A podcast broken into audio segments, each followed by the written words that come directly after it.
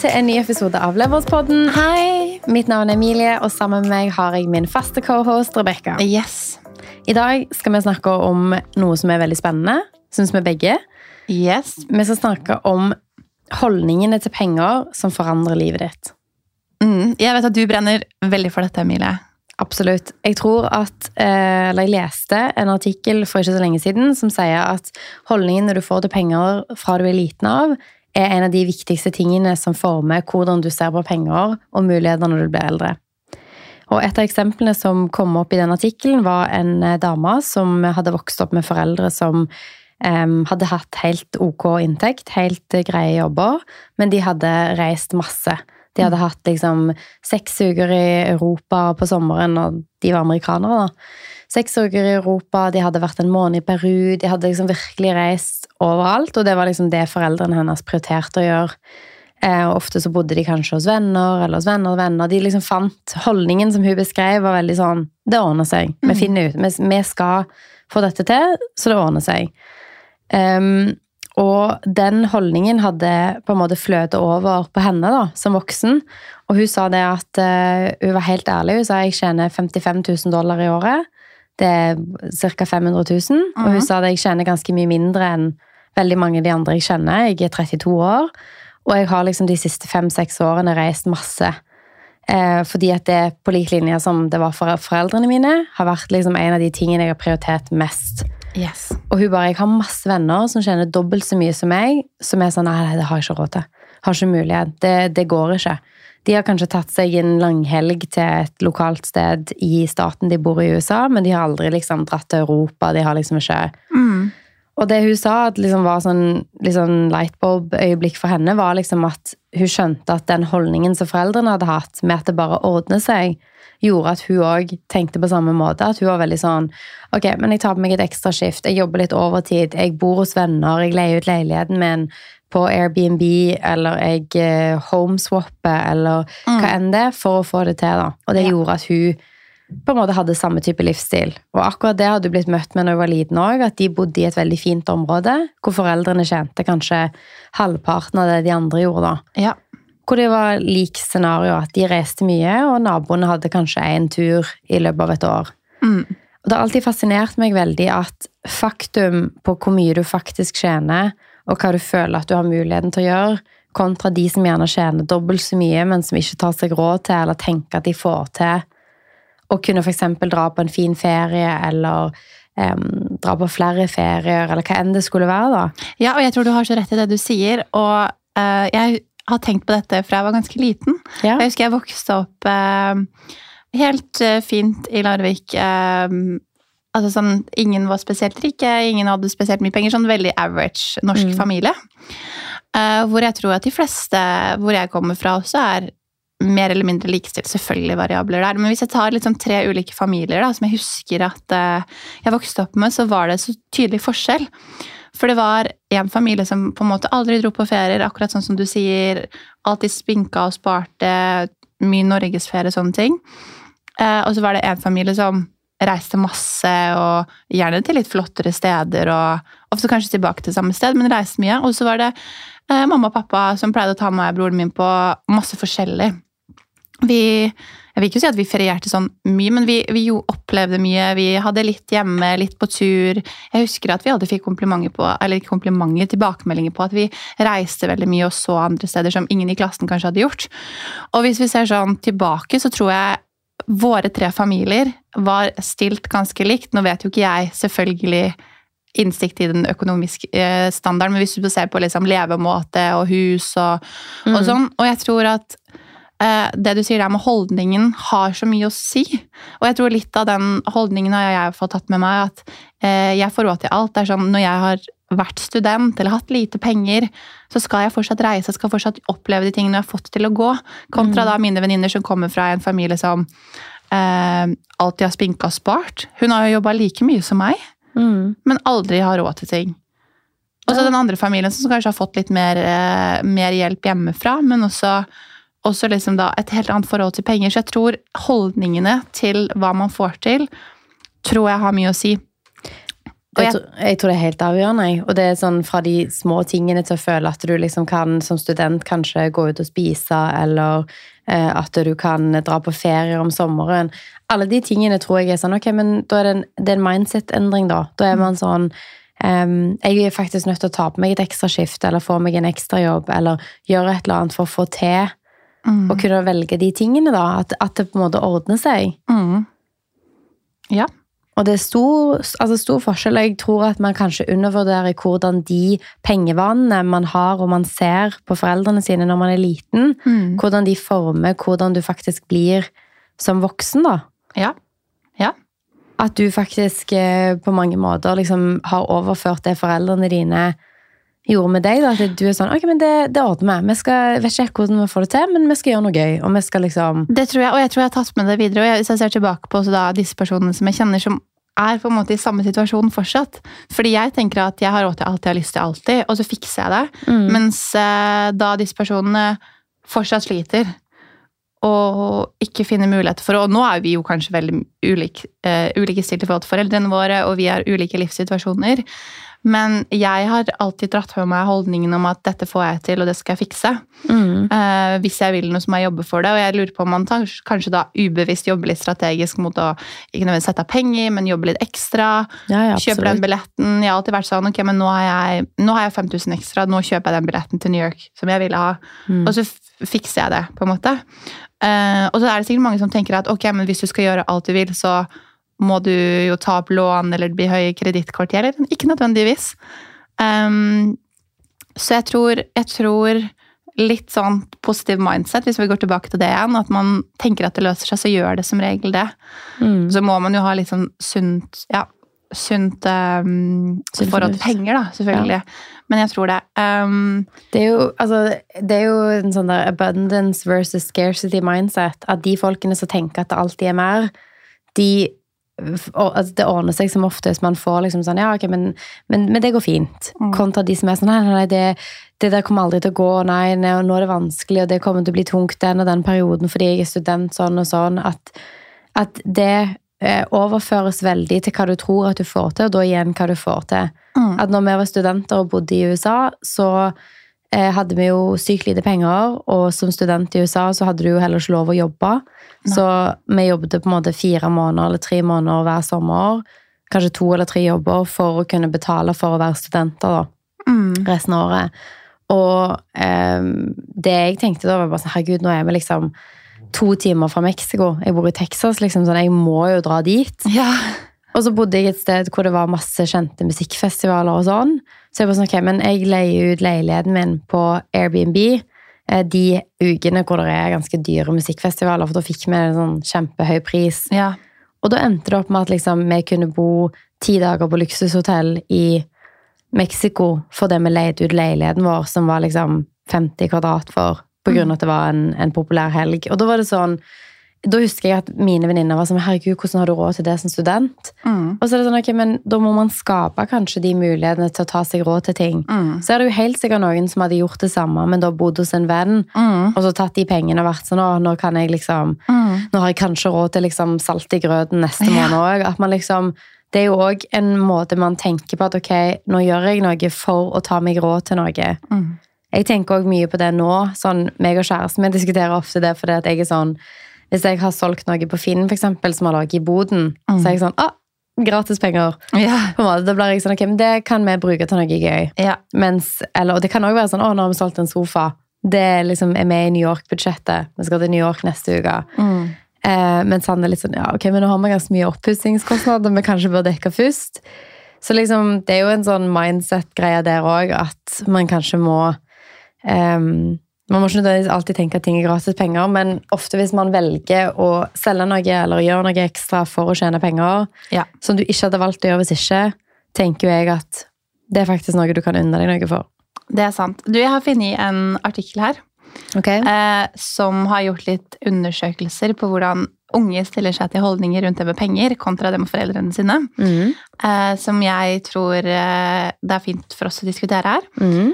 Eh, og eh, det her er en artikkel da publisert i 2020, så litt utdatert, men jeg tenker at den fortsatt er ganske relevant eh, med tanke på holdningene. Mm. Jeg tror ikke de har endret seg. Eh, og da står det at mange eh, nors- norske unge eh, mener at, at, de, at de ikke har det vanskeligere enn foreldrene sine eh, sånn økonomisk. At de, synes det er lettere, de tror de har lettere nå enn det foreldrene hadde. Okay. Eh, men hvis vi ser litt tilbake på den situasjonen jeg fortalte, hvor det var liksom tre eksempler på familier hvor noen syns det er veldig vanskelig, så opplever jeg jo fortsatt veldig ofte at mange Sånn som vi snakket om, at det er sånn Nei, jeg kan ikke ta ferie fordi jeg har så mye å jobbe, jeg har ikke råd til det. Jeg føler jeg hører det fortsatt eh, Mm. mye. Det er sikkert færre som har den holdningen til, men hva, hva tror du? Hva er, ditt, eh, hva er din oppfatning av unge i forhold til holdninger på penger kontra foreldregenerasjonen? Jeg tror at um, det er nok de samme, um, de samme tingene går igjen. Altså Har du hatt foreldre som har vært sånn som jeg Mm. beskriver nå, så tror jeg nok at du òg kanskje er sånn. Jeg tror ikke at alle unge tenker på en måte, men i hvert fall gjennom de tingene som jeg har gjort de siste årene, så har jeg fått høre veldig mange som er sånn Å, du pusser Ja, det er kjempe... Det kunne jeg aldri gjort. Jeg har ikke penger til det. Det er ikke mulig for meg. Å, det koster 100 000 å gjøre et kjøkken. Det, det går ikke for meg. Og så tror jeg at liksom, jeg får veldig sånn umiddelbart lyst til å si sånn, ok, men jeg hadde heller ingen penger når jeg starta med dette. Fordi igjen, det er holdningen. Det, er det er holdningen, holdningen du går imot det med. Jeg hadde absolutt ingen penger når jeg begynte med dette, jeg heller. Men jeg var sånn, ok, jeg eh, sparte penger fra en helt vanlig jobb med en helt vanlig lønn, og jeg brukte de pengene på å gjøre noen mindre ting Mm. som gjorde at jeg fikk en avkastning og kunne bruke de pengene på nytt til noe annet, og så vokser det. At veldig mye av det tilbakemeldingen man hører når man eksempel, og det hørte vi når vi snakket med Andreas om flipping òg, at veldig mange på en måte kontrer med en gang nesten før de har hørt sånn Men det, er er rike foreldre, da, eller mye hjelp, eller Nei, jeg har ikke penger til det. Det går ikke. Jeg tror, basert på det du sier nå, så tror jeg liksom sånn øh, De med holdninger, og jeg tenker at dette ikke bare gjelder penger, men de som går negativt i møte med noen med negative holdninger, på en måte må gå litt i seg selv. Jeg tror det er der man må starte å endre hvordan man Mm. ser på ting. Eh, vi snakka jo litt om det tidligere også i forhold til det å være positiv eh, kontra litt negativ, og i forhold til syn på ting. Og jeg tror det gjelder også med økonomi. Eh, at du er jo din egen begrensningen. Tanken er begrensningen din. Så hvis holdningen din til det er negativ, så vil du aldri gå noe vei. Eh, og jeg sier jo selvfølgelig ikke at man ikke skal være skeptisk eller tenke på ting, men jeg tror der har du på en måte drept en mulighet allerede, da. Du begrenser deg selv. Lenge før han har starta, så har du Yes. liksom skjøt han ned sjøl. Ja. Jeg merker veldig nå, så har jeg hatt flere samtaler om dette med rentehevninger og usikkerhet, og veldig mange legger liksom begrensninger for seg sjøl allerede før de har tenkt en tanke, fordi Ja. at de har lest en artikkel som omtaler noe som negativt, eller eksempel når det er harde tider i aksjemarkedet, så er det veldig mange som får bekrefta en tanke de har tenkt. Yes. At de er sånn åh, der, der ser du. Ja. Nå er det usikkerhet i markedet. Nå er det masse folk som taper penger. Mens eh, altså, historisk sett så er det jo de som tjener mest penger, gjør det jo i perioder hvor de kjøper på lave, tids, altså, lave tidspunkt i markedet. At de som da går med en holdning og tenker nå fikk jeg bekrefta alle fryktene mine rundt det å investere. Der var det skummelt. Ja. De stopper seg jo òg fra å investere i de punktene hvor de kanskje bør. Mm. Og kanskje en sånn type person bør nok egentlig investere hele tiden, og bare Mm. aldri stoppe, selv om det er dårlige tider i markedet. Mm. For da vil de over tid få god avkastning. Ja. Men det viser bare hvor sterkt sånn der at holdningen man har til mulighetene man enten har eller blir gitt, legger føringer for hva utfallet blir, og så bekrefter det utfallet de holdningene du allerede har. Mm. Så hvis du er skeptisk og tenker sånn nei, aksjemarkedet er ikke for meg, det er dritskummelt, så skjer 2008, og du er sånn ja, det var akkurat det jeg sa. ja. Sånn er det. Her har noen mista alle pengene de har hatt. Mens hvis du tenkte sånn, vet du hva, det her ordner seg. Foreldrene dine har alltid vært sånn, vet du hva, om det er en ferie, om det er å kunne kjøpe noe fint hjemme, eller et hus, eller en hytte, eller hva enn det måtte være, det ordner seg. Mm. Så tenker du sånn, ok, det er sånn det er. Ting går opp Ja. og ned. Jeg fortsetter å spare, jeg, og så ser vi hvordan det går. Ja. Og så ordner det seg. ja. Jeg tror det er så viktig med akkurat den holdningsbiten. Det tror jeg òg. Fordi hvis vi fortsetter litt ned i denne artikkelen, så, så står det også at unge er mer usikre på om de faktisk får, får råd til den, fremtid, den livsstilen de ser for seg i fremtiden. En annen påstand igjen som også går litt sånn på det med holdninger. Fordi hvis du tror hvis du tror du er usikker på det, eller hvis du, hvis du er usikker rundt dette også, så, så, skjønner jeg at man skaper tvil, og så blir det også litt sånn negativt mindset igjen. Hva tenker du om det i forhold til Tror du det henger igjen med det fra tidligere, da? Altså, jeg tror at um, det er jo rett at ting kommer til å være dyrere. Altså sånn Inflasjonsnivåene sånn ting blir generelt dyrere, og man har ikke hatt en lønnsvekst som har vært tilsvarende inflasjon, og Absolutt. generell prisvekst i markedet på alt fra eiendom til nå når det er dyre renter og boligprisene er høyere enn de noen gang har vært, så koster det jo ganske mye når rentene er høye. Men eh, det handler vel mer om å på en måte si at ok, disse tingene vil bli dyrere. Hva er det jeg gjør for å på en måte gjøre det mulig for meg å fremdeles om ti år kunne ha en fin ferie, eller hvordan setter jeg meg sjøl opp for at jeg kan ha den livsstilen jeg vil ha i framtiden? At du må nesten bare på en måte flytte på spørsmålet litt. Mm. Istedenfor å gå og være redd for en økonomisk framtid som du ikke vet, så bør du heller tenke sånn ok, hvilke grep kan jeg ta i dag ja. for å kontrollere det jeg kan kontrollere? Ja, og det er jo litt det vi har sagt tidligere også, at vi er opptatt av å ha råd til en livsstil. Vi kan godt eh, investere, vi kan godt uh, bruke penger og vi kan godt spare, men det skal ikke gå på, på måte bekostning av livsstilen. Og så er det mm. selvfølgelig i perioder i livet så må man kanskje gjøre noen ting, men jeg tror igjen det er viktig da å eh, kanskje evaluere litt hva man bruker penger på, og hvor alt man har, går ut. Mm. Og så kan man ta en avgjørelse på om ok, fører det til den livsstilen jeg ser for meg i framtiden, eller nå. Mm.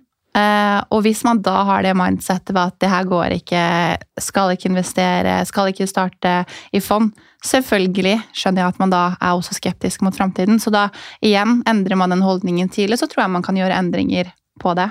Absolutt. Altså sånn Jeg tror akkurat det du sier nå, er jo på en måte det som er essensen. At hvis man på en måte klarer å, å tenke annerledes om, om, holdningene man har knytta til penger og muligheter, så skaper man på en måte indirekte nye muligheter for seg sjøl, eller man fjerner begrensningene som man gjerne har hatt. da. Mm. Mm. Nei. Um, det er også en uh, fakta her som det viser at det er gjort på, på befolkningen mellom 18 til 30 år. Mm. Og i forhold til sparing. Og at noen sparer til eh, kortsiktige mål, og noen til langsiktige mål. Og det her er i, i Norge, da. Og da er det sier at fire av ti nordmenn i aldersgruppen sparer til kortsiktige formål, f.eks. For som den neste sommerferien, mens fem av ti sparer til større innkjøp i fremtiden, som bolig. Eh, så det er ganske bra at eh, eh, folk eh, sparer. men det er jo fortsatt ganske lave En lav andel. Mm. Eh, og at man Ja, vet ikke. Altså Man bør jo på en måte definitivt eh, gå litt i seg sjøl og tenke litt sånn ok, Bare det å ha den Uansett hvor liksom trygghetssøkende du er, da, mm. eh, så er jo kanskje en av de verste tingene du kan gjøre, er jo ikke gjøre noen ting. Mm. Når du vet at liksom, ok, ting blir dyrere, Boligmarkedet har hatt en vanvittig prisvekst i mange, mange år. Um, inflasjonen har vært, er høy nå. Ting blir dyrere. Hvis du da er veldig sånn risikoavers, så er jo en av de lureste tingene å gjøre å spare for en usikker framtid, og helst gjøre det i en aktiva klasse som tjener mer enn inflasjonsnivået er, på en måte, sånn at pengene dine ikke taper verdi. Mm. Jeg tror at liksom en av de tingene som jeg kanskje misliker mest med FIRE community, for eksempel, er retorikken rundt som, hvordan man sparer og hvordan man lever. Jeg stemmer livsstil og holdning på å begrense seg hele tiden. Det er en veldig retorikk rundt det å hele tiden begrense seg. De som ikke vet hva FIRE er, som ikke har hørt den episoden, burde sjekke eh, konseptet. Det var en av de første episodene vi spilte inn, hvor vi mm. refererer til Financially Independent Retire Early-konseptet, som er en bevegelse hvor gjør at man er økonomisk uavhengig mm. i forholdsvis ung alder, eller så, så tidlig som man klarer. Så, så sjekk, sjekk, det ut, da, og da er det noen som må gå inn og noen, For å oppnå det, så lever de veldig begrensa og mm. bruker ikke type penger på 5 til 10 til 15 år. Eh, så det er jo det du mener at du er litt uenig i, da, at man ikke skal nødvendigvis begrense livsstilen sin. Og det er litt holdninger rundt dette. Jeg tror at retorikken rundt det, som at, at man er sånn å, den ene avokadoen som du ikke skulle kjøpe, er hvorfor du ikke kan kjøpe bolig om tida, det er jo bare bullshit. Ja. At sånn, hvis du tenker på den måten, så blir det òg realiteten din. Ja. At ja, da er det de små kjøpene som har gjort at du ikke Men sånn, å tenke på den måten begrenser deg så, så vanvittig, da. At hvis du på en måte klarer å tenke at um, det her skal jeg få til Jeg har et fire-mål om tre millioner kroner. Ok, hvordan skal jeg få til det? Hva er det som må til for at jeg kan øke inntekten min de neste fem årene for at det er mulig? Kanskje det er å begynne med eiendom, kanskje det er å starte en bedrift, kanskje det er å ha to jobber, eller hva enn det er. Men svaret i min bok er i hvert fall ikke å unngå å kjøpe en avokadotoast til 70 kroner, liksom. Nei. Og jeg tror at de som på en måte hele tiden tenker, i hvert fall bedriftseiere, som tenker sånn å, jeg skal bare gjøre alt sjøl, jeg skal gjøre regnskap sjøl, jeg skal gjøre det sjøl, jeg skal gjøre det sjøl, fordi da kan jeg spare penger, og da er jeg nærmere fire-målet mitt. Og i realiteten så, så selger de sine egne timer som er dritdyre, for de selger kanskje kjempemye når de jobber, eh, til å gjøre ting som eksempel regnskap, eller eksempel Mm. booking av møter, booking av podcaststudio, booking av hva enn det skulle være da. Ja. Så liksom vanner de ut sin egen tid, som egentlig er verdt mye mer hvis de hadde fokusert på mer salg, eksempel. Ja. Og det er jo en, det er en holdningsbit, det er en skift sånn, istedenfor å tenke jeg må gjøre alt sjøl for å spare mest mulig penger, så tenker du jeg lar proffene gjøre det de kan, og så bruker jeg min tid på det min tid er verdt mest på. Mm. Om det er at du er, eier din egen bedrift, om det er at man eh, selger produkter, eller om det er jobben sin, eller hva enn det er, det er. Mm. At man bruker tiden på det. Og det tror jeg utelukkende er en holdningsting. Det tror jeg òg. Det, det tror jeg også. Jeg tror også det er, men jeg tror også at det er eh, en prosess man må lære litt. Eh, fordi hvis man er vant til å holde i alt selv, vant til å ikke gi fra seg ansvar eh, Hvis man har gått gjennom ting som gjør at man er skeptisk, så skjønner jeg òg at det er en prosess.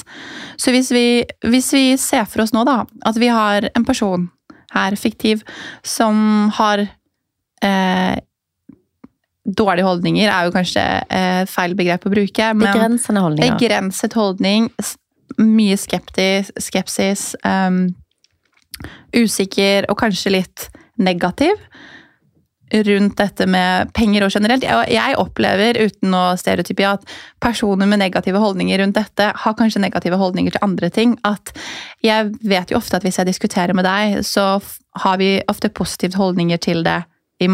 og det tror jeg du får tilbake også, fordi vi er positivt lad. Vi snakket om det.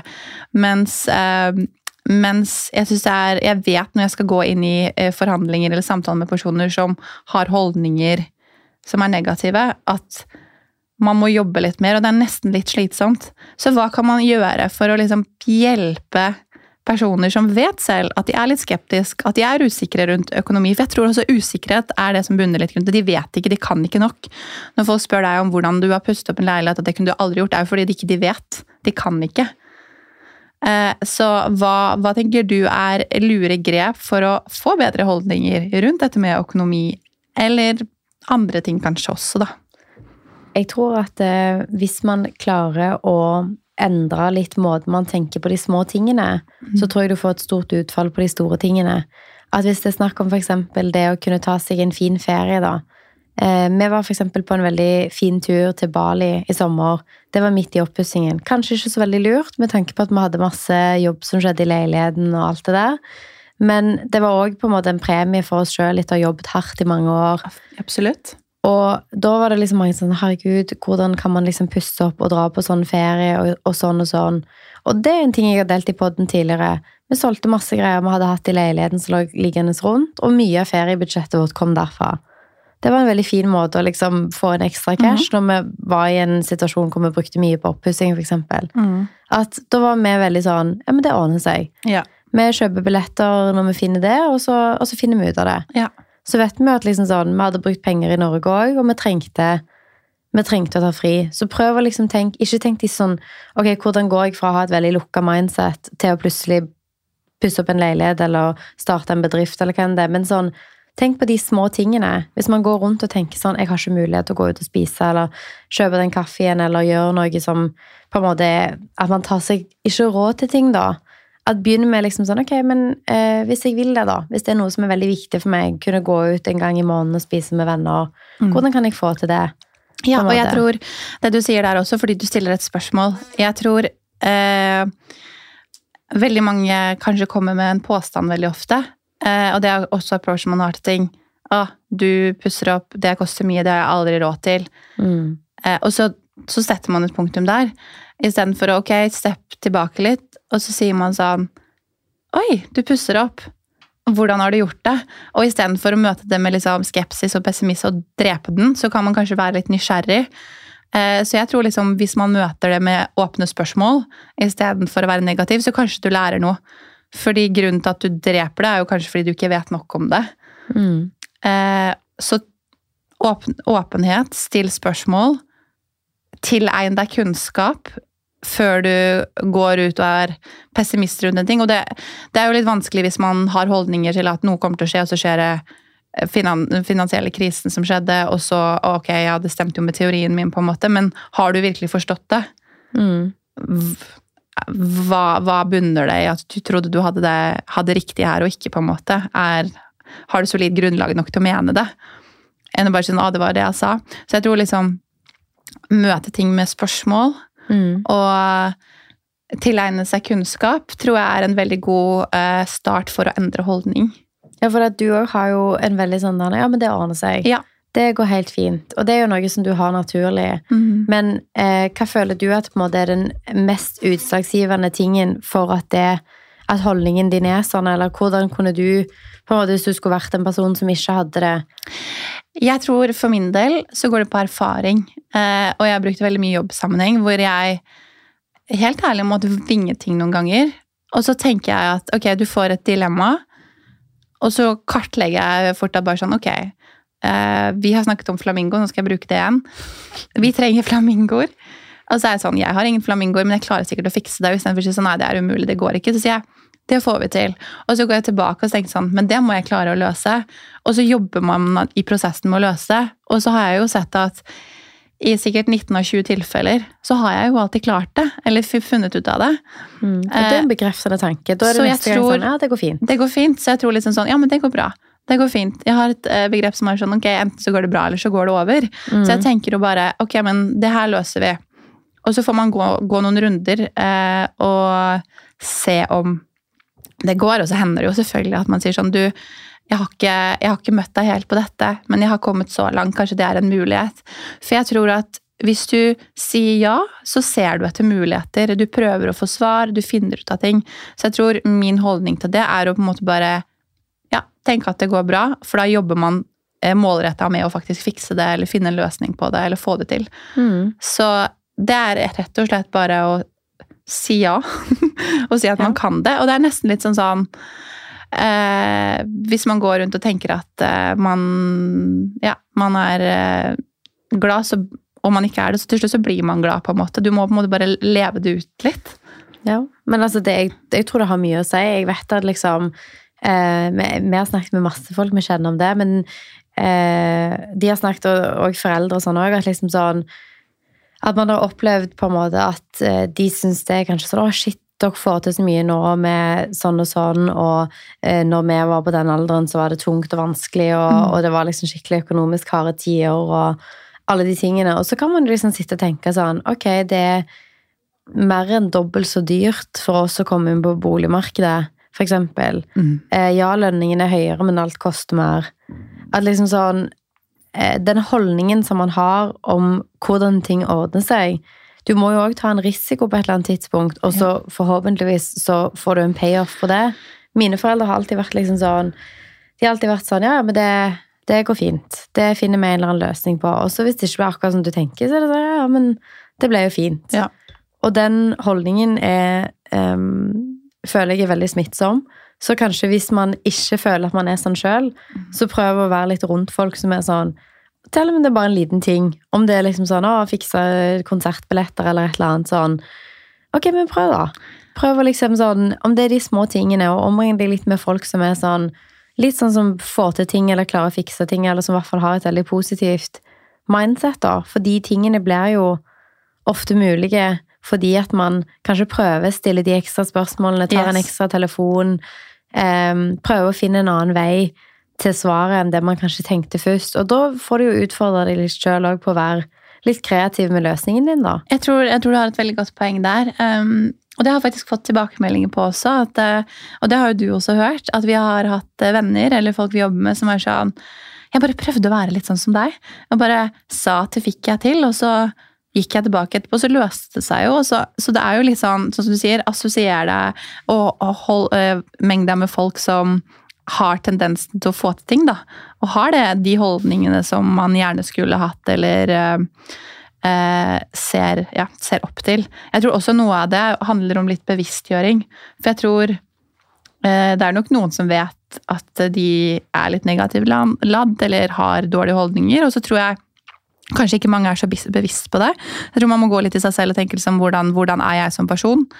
Eh, det er kanskje vanskelig å, å, bli fortalt det. Jeg vet ikke, mm. men jeg, jeg, hadde jo håpa at hvis jeg hadde hatt dårlige holdninger, eller noe sånt, så hadde du arrestert meg på det. Jeg tror du til den du, du, gjør jo det.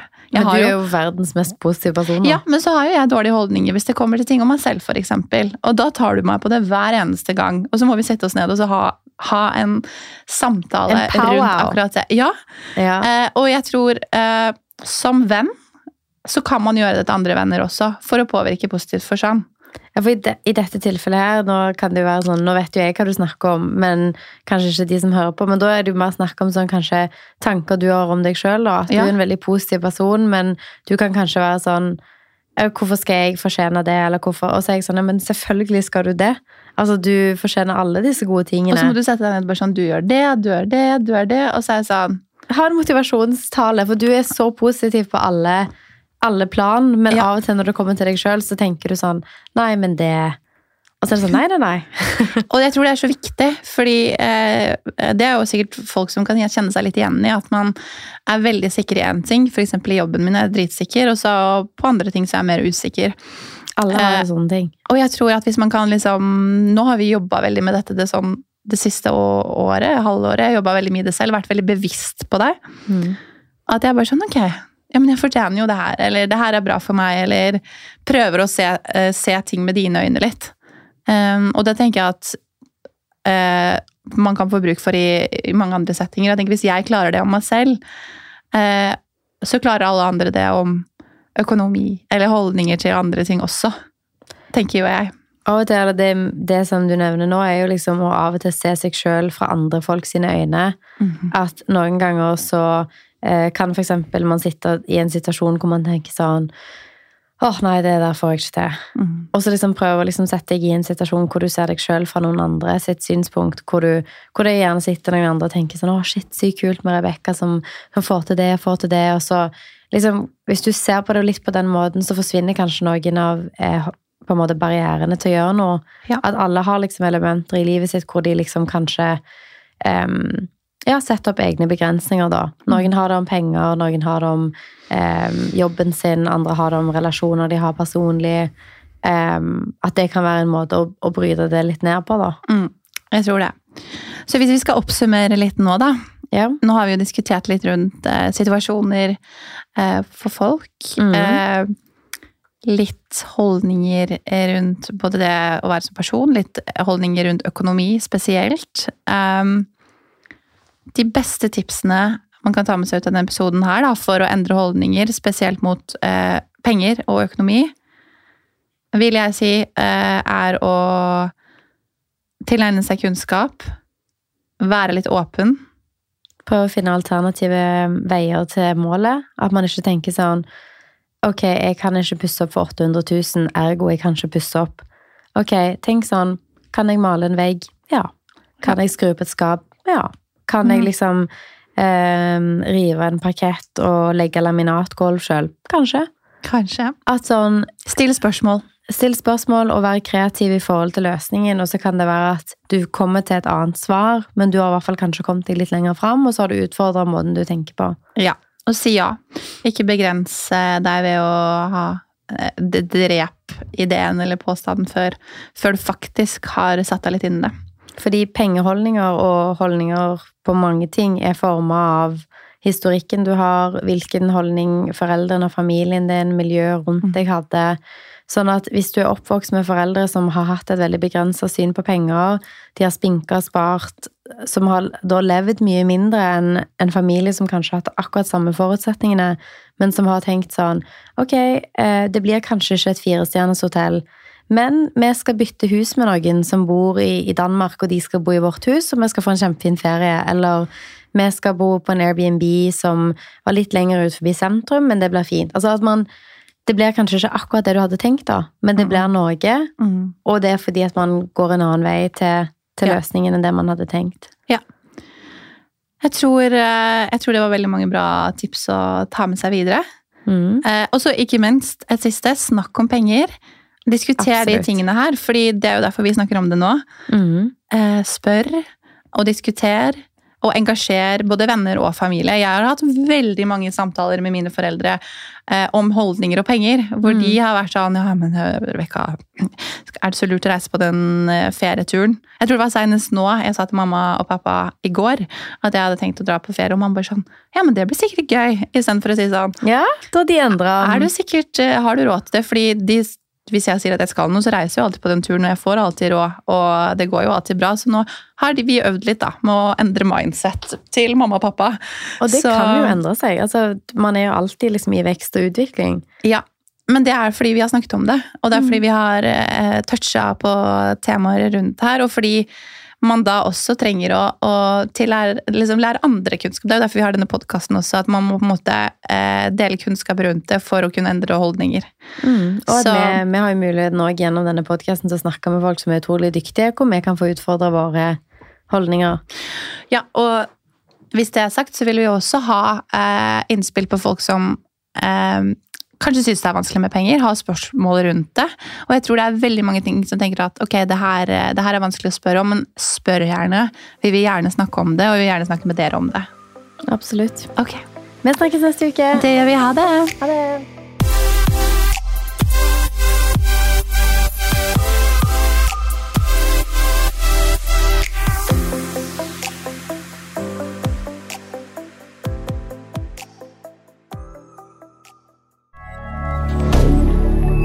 Media.